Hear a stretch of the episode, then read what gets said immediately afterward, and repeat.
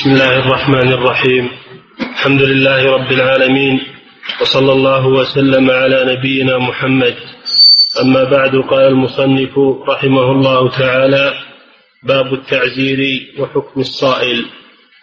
بسم الله الرحمن الرحيم. الحمد لله والصلاة والسلام على رسول الله وعلى آله وصحبه. قال رحمه الله باب التعزير وحكم الصائل تعزير تفعيل مأخوذ من العزر وهو المنع.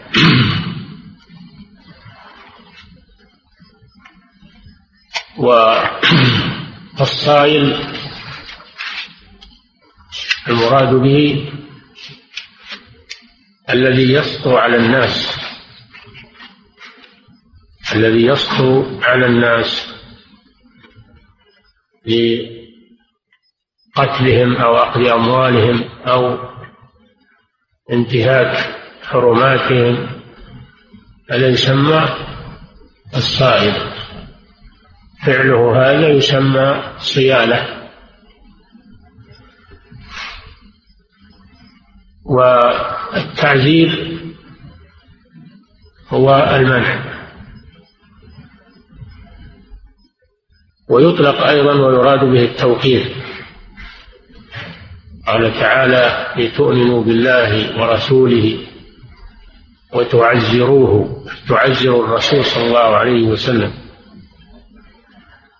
الذين آمنوا به وعزروه ونصروه أي وقروه واحترموه. التعزير من من المتضادات. أو من الأضداد يسمونها الأضداد وهو أن يكون اللفظ له معنيان متغايران.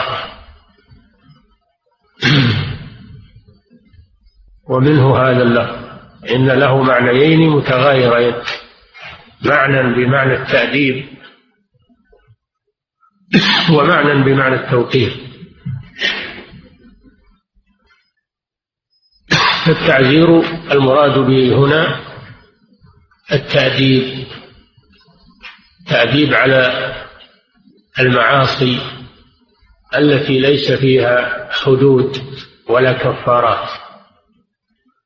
كل معصية ليس فيها حد محدد من الشارع وليس لها كفارة فإنه يشرع فيها التعزير لأجل المنع من الوقوع فيها. هذا هو التعزير. ولذلك جاء به المصنف بعد نهاية الحدود. لأنه يأتي بعد الحدود. فإذا لم يكن في المعصية حد مقدر من الشارع يمنع من الوقوع فيها فإن هناك التعزير وهو التأديب. وهذا يكون لمنع الناس من المخالفات الشرعية. نعم. عن أبي بردة الأنصاري أنه سمع النبي صلى الله عليه وسلم يقول لا يجلد فوق عشرة اسواط إلا في حد من حدود الله تعالى متفق عليه. هذا حديث أبي بردة الأنصاري رضي الله عنه أنه سمع النبي صلى الله عليه وسلم يقول لا يجلد فوق عشرة اسواط أو لا يضرب فوق عشرة اسواط إلا في حد في حدود الله. هذا ظاهر الحديث أنه لا يجاد في ضرب التعزير على عشرة اسواط هذا هو الحد الأعلى. إلا في الحدود التي قدر الله فيها الجلد إلى ثمانين جلدة إلى مئة جلدة. فهذه يجلد فيها الحد الذي شرعه الله عز وجل. وأما المعاصي التي ليس فيها حدود فهذه فيها التعزير والتعزير أنواع كما سيأتي. منه التعزير بالجلد أي بالضرب. فإذا فعل فإن أعلاه عشرة أصوات ولا يزاد عليها. هذا ظاهر الحديث. وقد اختلف العلماء في هذه المسألة بما حاصله أربعة أقوال. القول الأول العمل بهذا الحديث وأنه لا يزاد في التعزيرات على عشرة أصوات لأن هذا صريح. وفيه حصر.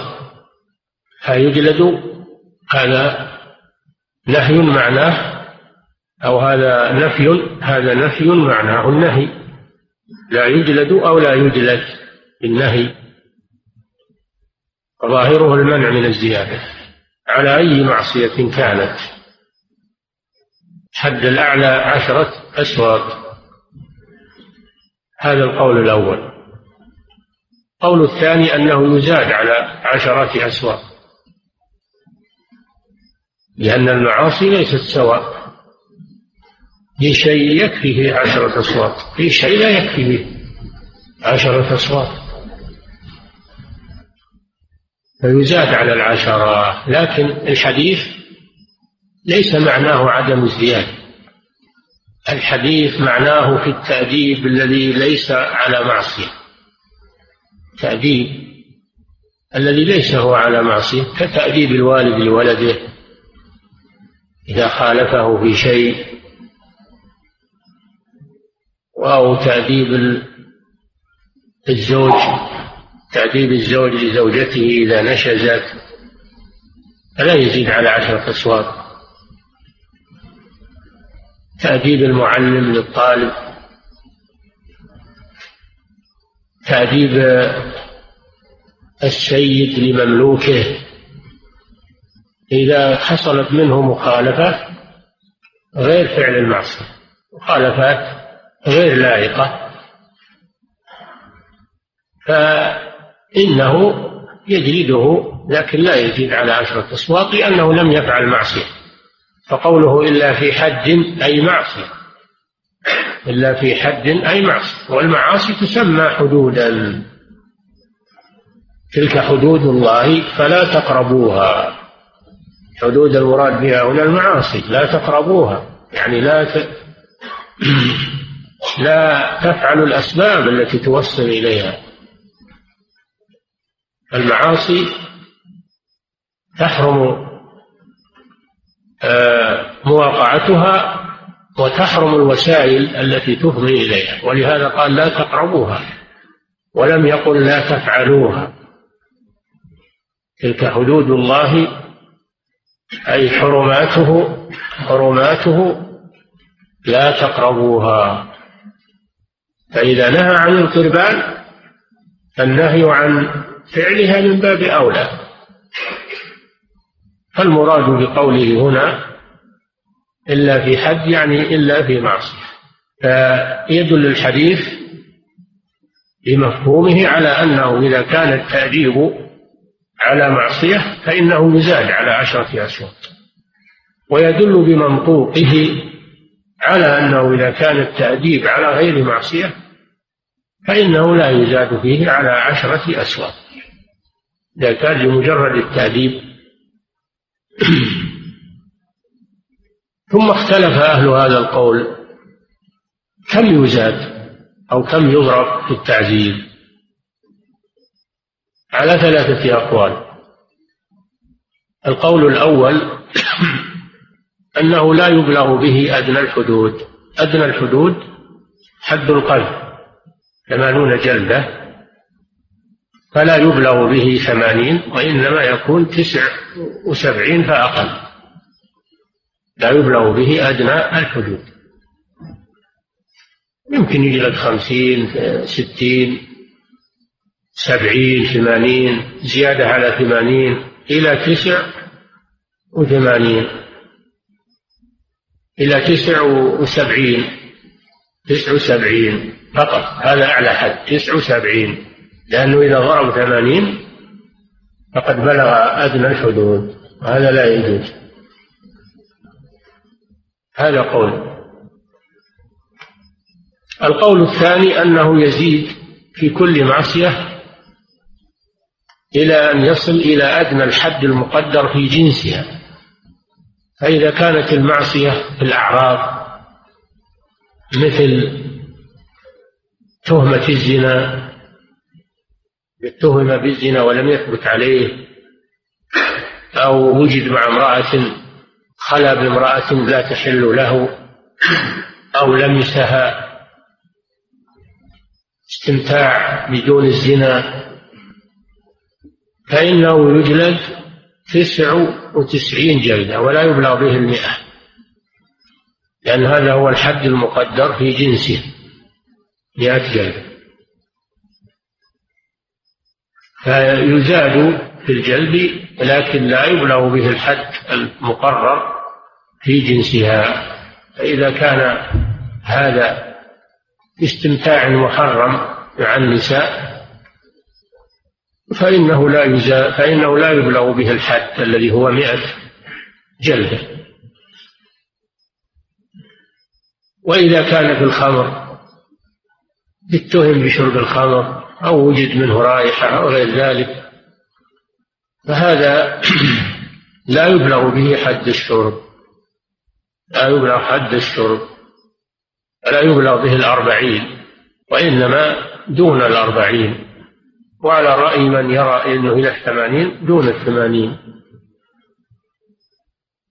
هذا القول الثاني. القول الثالث أنه لا تحديد للتعزير بل هذا موكول إلى الإمام إلى اجتهاد الإمام. فيعزر بما يراه كافيا بدون تحديد. لأنه لم يرد تحديد التعزير في الشرع فهو موكول إلى اجتهاد الإمام فيعزر بما يراه كافيا. وأحيانا يعفو ولا يعزر إذا رأى المصلحة في العفو كما يأتي. ويكون التعزير خفيفا ويكون متوسطا ويكون ثقيلا بحسب اجتهاد الإمام. بل ربما يفضي إلى القتل. فإذا لم يندفع إذا لم يندفع عن المحرمات إلا بالقتل فإنه يقتل تعزيرا. ويحمل عليه قتل الشارب في الرابعة كما مر ومن باب التعزير. فالتعزير لا حد له. يبدأ من التعنيف والكلام والتوبيخ بالكلام وينتهي بالقتل حسب ما يراه الإمام رادعا.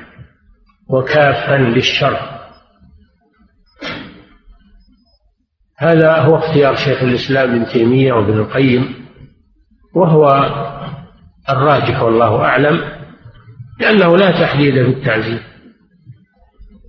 فهو يختلف يكون التعزير بالتوبيخ والكلام ويكون التعزير بالسجن ويكون التعزير بالضرب ويكون التعزير بالعزل عن الوظيفة حسب ما يراه ولي أمر المسلمين. يكون التعزير بالنفي من البلد حسب ما يراه ولي الأمر المسلم كافلا للمصلحة ومانعا من المضرة والمفسدة. هذا هو الصحيح.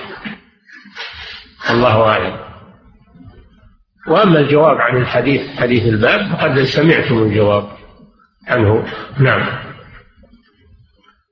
وعن عائشة أن النبي صلى الله عليه وسلم قال أقيلوا ذوي الهيئات عثراتهم إلا في الحدود. رواه أحمد وأبو داود والنسائي والبيهقي. هذا فيه أن التعزير قد يسقط عن بعض الناس. خلاف الحدود. الحدود لا تسقط. عن أحد لا عن الشريف ولا عن الوضيع ولا عن آه، التقي ولا عن الفاجر. حدود لا بد من تنفيذها. أما التعزير فهذا حسب رأي الإمام. فإذا كان إنسان لم يسبق له سابقة وهو معروف بالصلاح والاستقامة فحصلت منه زلة مرة واحدة ولم يسبق منه شيء فبإمكان الإمام أن يعفو عنه. قوله صلى الله عليه وسلم أقيلوا ذوي الهيات أقيلوا أي أعفوا يعني قالها الإعفاء ذوي الهيئات يعني أصحاب الفضل. أصحاب الفضل وأصحاب النزاهة والشرف الذين لم يسبق لهم عثرات. فبإمكان الإمام أنه يعفو عنه. هذا هو الإقالة إلا في الحدود. أما الحدود فلا. إذا ثبتت فلا يراعى فيها أحد مطلق. تقام الحدود على من ثبتت عليه. ولا يتهاون بها. نعم. وعن علي رضي الله عنه قال ما كنت لأقيم, لأقيم على أحد حدا فيموت. فأجد في نفسي إلا شارب الخمر فإنه لو مات وديته أخرجه البخاري. هذا أمير المؤمنين علي بن أبي طالب رضي الله عنه. يقول إن إن من أقيم عليه الحج فمات بسببه فإنه لا يضمن. الحدود لا يضمن فيها. لأنها مأذون فيها وما ترتب على المأذون فهو غير مضمون. ومن مات في حد فالحق قتله لا ضمان فيه. فلو جلد في الزنا أو جلد في شرب الخمر أو جلد في القذف الجلد الشرعي ومات فلا ضمان فيه لأن هذا أذن فيه الشارع وأمر به. وما ترتب على المأذون شرعا فإنه غير مضمون. وأما وأما التعزير وأما التعزير فإنه إذا مات فيه المعزر فإنه يضمن يضمنه الإمام ويكون ضمانه في بيت المال لأن هذا من خطأ الإمام وخطأ الإمام يكون في بيت المال. فالحدود لا ضمان فيها. إذا تلف المحدود هذا محل إجماع. التعازير فيها الضمان. إذا تلف فيها الشخص وهذا محل إجماع. بقينا في في حد الشرب هل هو تعزير أو هو حد؟ حد الشرب مشتبه لأن الحديث الوارد في أن النبي صلى الله عليه وسلم جلد في للجريد والنعال وأطراف الثياب نحو من أربعين نحو من أربعين. فليس هذا صريح في أنه حد. بعضهم يقول هذا تعزير وبعضهم يقول إنه حد. فهم فهو غير صريح لأنه حد. يعني لم يجمع على أنه حد. ولهذا تحرج أمير المؤمنين علي رضي الله عنه. فقال لو مات لوديته يعني أديت ديته. يعني من من بيت المال لأن خطأ الإمام من بيت المال. لأنه لم يتضح له أن أن حد شرب الخمر. أن الجلد لم يتضح له أن الجلد أن الجلد في شرب الخمر حد وإنما يحتمل أنه تعزير هذا وجه قوله رضي الله عنه يحتمل أنه تعزير فإذا مات بسببه أحد فإنه يضمنه الإمام بالدية لوديته يكون من بيت المال. وقول لوديته أن هذا من قتل الخطأ. وليس هو من قتل العمد فيديه من بيت المال. هذا دليل على أن التعزير يجب فيه يجب فيه الضمان. فلا فلا يبالغ في ضربه أو عقوبته حتى يموت. هذا وجه قوله رضي الله عنه. نعم. وعن سعيد بن زيد رضي الله عنه قال قال رسول الله صلى الله عليه وسلم من قتل دون ماله فهو شهيد. رواه انتهى انتهى انتهت الأحاديث في التعزير. انتقل إلى القسم الثاني وهو الصايل. والصايل هو الذي يسطو على الناس يسطو على الناس بقتلهم أو أخذ أموالهم أو هتك أعراضهم. هذا هو الصائل والصيانة هي الاعتداء. والسطو الذين يسطون على الناس في بيوتهم أو يسطون على الناس في مآمنهم يريدون الجريمة هؤلاء يدفعون بأسهل ما يمكن يدفعون بأسهل ما يمكن إن كان يندفع بالكلام والزجر فإنه يكفي. إن كان يندفع بالضرب فإنه يكفي. وإن لم يندفع إلا بقتله فإنه يقتل. وقتله هدر. قتله هدر. وإن قتل المصول عليه فإن المصول عليه يكون شهيدا. له أجر الشهيد لأنه مقتول ظلما والمقتول ظلما له أجر الشهيد. فإذا صال على أحد يريد دمه وقتله أو يريد ماله فقتله أو يريد آه، حرمته فقتله الصائل فإن المقتول يكون شهيدا والقاتل يقام عليه القصاص أو أو يقام عليه يقام عليه التعذير بالقتل لأنه من المفسدين في الأرض.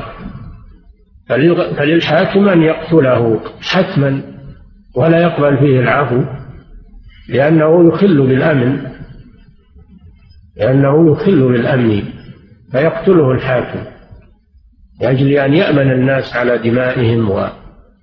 وأموالهم وأعراضهم. نعم. وعن سعيد بن زيد وقوله فهو شهيد يعني له أجر الشهيد وليس معناه أنه يعامل. معاملة الشهيد فلا يغسل ولا يكفن ولا صلى عليه ويدفن بثيابه. هذا شهيد المعركة لأجل أن تبقى عليه آثار الشهادة. أما هذا فإنه يغسل ويكفن ويصلى عليه لأنه ميت. ولم يكن شهيد معركة فله أجر الشهادة في الآخرة. وأما في الدنيا فيعامل معاملة الأموات يعامل معاملة الأموات. نعم. وعن عبد الله بن خباب رضي الله عنه قال سمعت أبي يقول سمعت رسول الله صلى الله عليه وسلم يقول تكون فتن فكن فيها عبد الله المقتول ولا تكن القاتل. أخرجه ابن أبي خيثمة والدار قطني وأخرج أحمد نحوه عن خالد بن عرفطة. نعم. الحديث الذي مر الحديث الذي قبل هذا حديث سعيد بن زيد. هذا إذا كان الاعتداء على فرد. إذا كان الاعتداء على فرد من الناس. أما إذا كان الاعتداء على الجماعة على جماعة الناس على المجتمع يعني فئة من البغاة أو الخوارج يعني فئة من الخوارج أو من البغاة قاتلوا المسلمين واعتدوا على جماعة المسلمين. فهذا له حالتان. الحالة الأولى أن يكون للمسلمين إمام ولي أمر فإنه يجب عليه أن يقاتلهم ويجب على المسلمين أن يقاتلوا معه. قاتلوا البغاة. والخوارج قطاع الطرق يجب على المسلمين أن يقاتلوا هؤلاء البغاة مع إمامهم لقوله سبحانه وتعالى وإن طائفتان من المؤمنين اقتتلوا فأصلحوا بينهما فإن بغت إحداهما على الأخرى فقاتلوا التي تبغي حتى تفيء إلى أمر الله. فإن فاءت فأصلحوا بينهما بالعدل وأقسطوا. إن الله يحب المقسطين. فيبدأهم الإمام بالمصالحة. يسألهم ما ما السبب الذي جرأهم ويصالحهم على ترك الاعتداء وترك فإن فاءوا ورجعوا عن شرهم فإنهم يتركون. فأصلحوا بينهما يبدأ بالصلح. فإن أبوا الصلح واستمروا على عدوانهم وطغيانهم وجب قتالهم ولو كانوا مسلمين. يقاتلون ولو كانوا مسلمين ومن قتل منهم فهو هدر. من قتل منهم فهو هدر. لأنه صائل يريد استباحة دماء المسلمين وأعراضهم وأموالهم فإنه إذا قتل فهو هذا. هذا إذا كان للمسلمين إمام يقاتل معه. أما إذا لم يكن لهم إمام حصل فتنة بين المسلمين ولا حول ولا قوة إلا بالله وليس لهم إمام. الفتنة التي تكون بين القبائل أو بين الجماعات بعضها مع بعض فإنه ينبغي للمسلم أن لا يشارك فيها. ينبغي للمسلم أن لا يشارك فيها بل يعتزلها ويكف عنها لأن هذه فتنة بين المسلمين وليس هناك إمام يقاتل معه فإنه ينكف. ولا يشارك فيها ويعتزلها. وإن قتل فيها فهو فهو شهيد لأنه معتدى عليه. هذا معنى قوله كن عبد الله المقتول ولا تكن عبد الله القاتل. الذي ينبغي أنه يعتزل ولا يشارك فيه. وحتى لو لو قتلوه فإنه يكون مظلوما ويكون له أجر الشهيد. وهذا استدلوا به على أن الدفاع عن النفس لا يجب. الدفاع عن النفس لا يجب بل له أن يكف ولو قتل. كقصة ابن آدم الذي أراد أخوه أن يقتله حسدا فقال فقال لأخيه لئن بسطت إلي يدك لتقتلني ما أنا بباسط يدي إليك لأقتلك. إني أخاف الله. فكف يده وصبر على القتل.